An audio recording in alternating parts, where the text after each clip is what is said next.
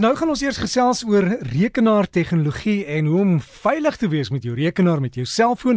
En ons sê goeiemôre aan professor Basie van Salms van die Universiteit Johannesburg. Gaan dit goed professor?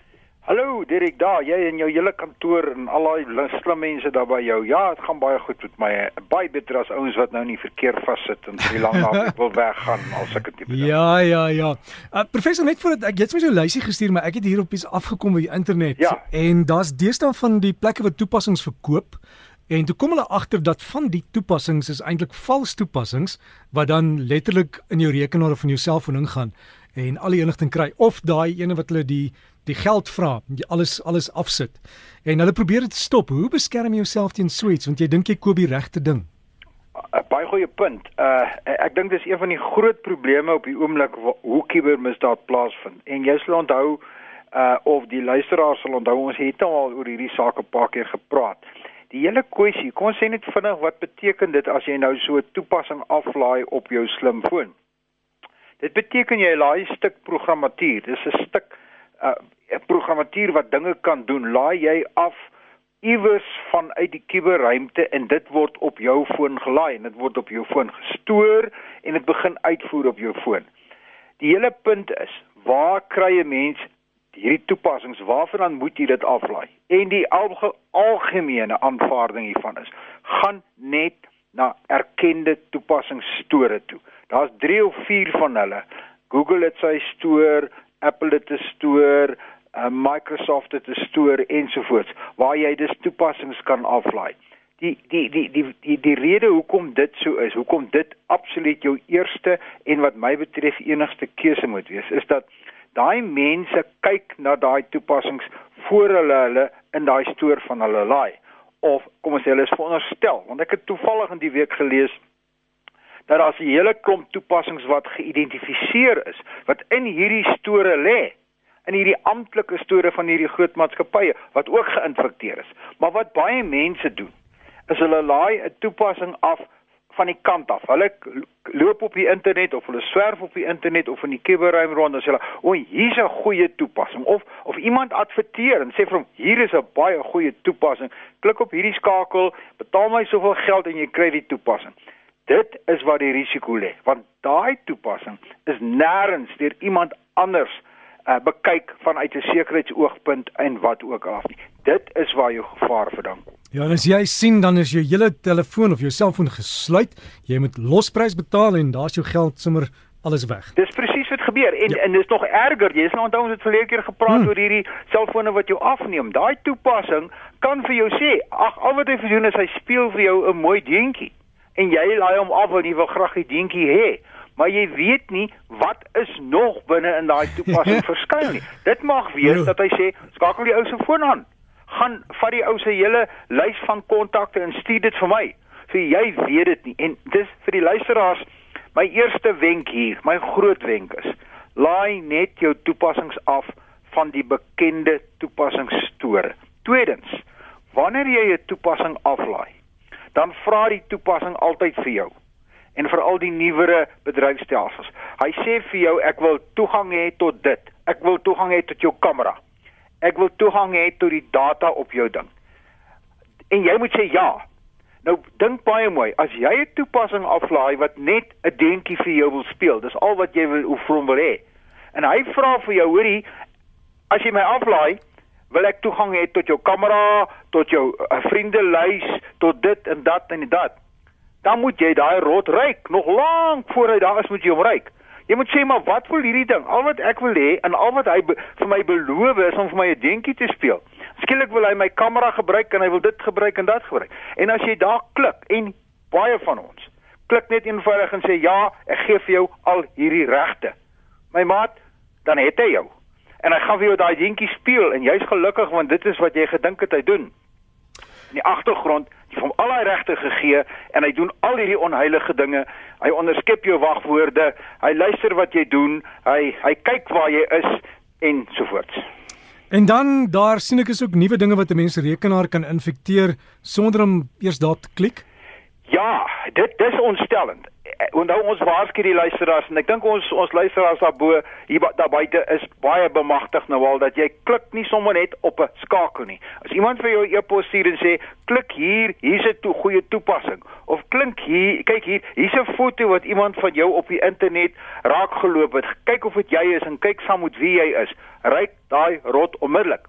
So Ons is al bemagtig en sê ek klik nie sommer net eenvoudig op 'n skakel nie. Nou wat begin gebeur, is jy hoef nie eers meer op daai skakel te klik nie. As jou muis toevallig net oor daai boodskap beweeg, jy sê ek ignoreer hom en jy maar jou muis beweeg oor hom, dan word jy geïnfekteer. So dit is nou nog 'n orde grootte meer versigtigheid wat ons aan die dag moet lê is om jy weet as jy daai ding snaakse ding kry van 'n vreemde adres af of daardie ou wat vir jou dit beloof of dat beloof wees baie versigtig. En daarmee gaan saam gaan dit waaroor ek spesifiek vandag iets op die hart het. En dit is met hierdie hele Nysna uh, ramp wat ons gehad het, Plettenberg Bay, die Kaapse ramp. Nou begin daar rapporte deurkom wat wat 'n mens lees as jy op die regte plekke gaan lees, waar die die kuberkraker of die die onheilige ou, die rotte, begin nou boodskappe uitstuur en sê hoor jy ons is hierdie welsynsorganisasie. Ons versamel geld vir om mense te help wat geld verloor, wat dinge verloor het, uh, deponeer in hierdie bankrekening. Moet dit nie doen nie. Maak seker want dit dit is wêreldwyd bewys. Die oomblik as daar een of ander ramp gebeur of een of ander situasie gebeur en welsynsorganisasies of regerings of provinsiale of kerke begin vra vir geld, dan klim hierdie rotte ook op die wa. En nou begin hulle ook geld vra. Maar moenie dink daai geld gaan na gaan na daai welsynsdinge toe nie. Dit gaan vir hulle. So vra jouself ook baie mooi af. Hierdie hierdie ding, moet ek hierop reageer of moet ek liewerste seker maak? Onthou wat ek van tevore ook al gesê het. As jy onseker is, gaan Google net 'n bietjie. Vat daai adres, daai skakel, gaan gaan Google hom net en kyk waar kom jy uit. Baie keer gaan jou oë oop gaan. Ja, en en professor as van die banke vir jou te vriendelike SMS'e stuur, ryke rot en gaan bank toe en vra hulle wat soek hulle. Absoluut. Die feit is as jou bank vir jou enige ding stuur, wees krities. As as jy sien dit al is dit van jou bank af, wees onmiddellik krities. En as hulle vir jou sê, hoorie meneer, jou jou rekening is oortrokke, klik hier om dit reg te stel. Ignoreer dit. As die bank ernstig is, as jy regtig oortrok is, gaan hulle dit almekaar doen en hulle gaan jou later bel en wat ook of hulle gaan vir jou brief stuur. Gooi daai eers teen onmiddellik in jou in jou elektroniese snippermandjie en sê ek reageer nie hierop nie want dit is waar jy uitgevang word of dit nou is van die bank af of van wie ook al. 'n uh, Laaste opmerking, ek dink jou tyd loop uit. Jy jy dit self genoem net nou maar voor ons op die lig gekom het. Is hierdie hofsaak storie. Uh luisteraars, daar's interessante dinge besig om te ontwikkel oor hierdie internet uh intydse banksaake diefstalle. Daar's 'n baie interessante saak Ek het 'n hofbevel voor my waar een van ons groot banke deur die hof verplig word om sekere inligting te gee waar daar 'n SIM-kaart omruiling was soos ehm um, waar is die rekening geskep? Uh, waar is die video uh, ons soek en die hof het gesê gee vir hierdie aansoeker die video lys van waar hierdie ou en wie se geld en wie se rekening die geld nou oorgeplaas is waar hy sy rekening oopgemaak is gee vir ons bewyse dat daai ding formeel gerika is. So ek sê vir jou hier kom interessante dinge aan in terme van mense wat groot geld verloor het en klein geld en ek dink almal van ons daarbye kan bietjie opgewonde raak behalwe die ouens wat dit nou 3 4 5 jaar gelede gewoon het. Daai rot is al 'n bietjie oud. Hy's hy's uitgereik. Uh jy gaan nie veel reg kry nie maar as so iets met jou gebeur nou kap daai ding terwyl hy warm is. En dan professor, wat mense ook doen is, is jy moet gaan geld trek by die ATM onthou om te glimlag want jy's op kamera. Absoluut jy's op kamera. Behalwe nou weer eens, en moenie aanvaar jy's op kamera nie. Want as as Kiepie vir jou inwag, as daai rot jou daar inwag, gaan daai rot eerstens, hy weet waar die kamera is en hy gaan hy kamera kamera toeplak met 'n stuk band of met 'n stuk uh, kougom of wat ook al. So jy weet, maak jy ook maar seker as jy gereeld na dieselfde plek toe gaan, maak seker dat daai kamera oop is.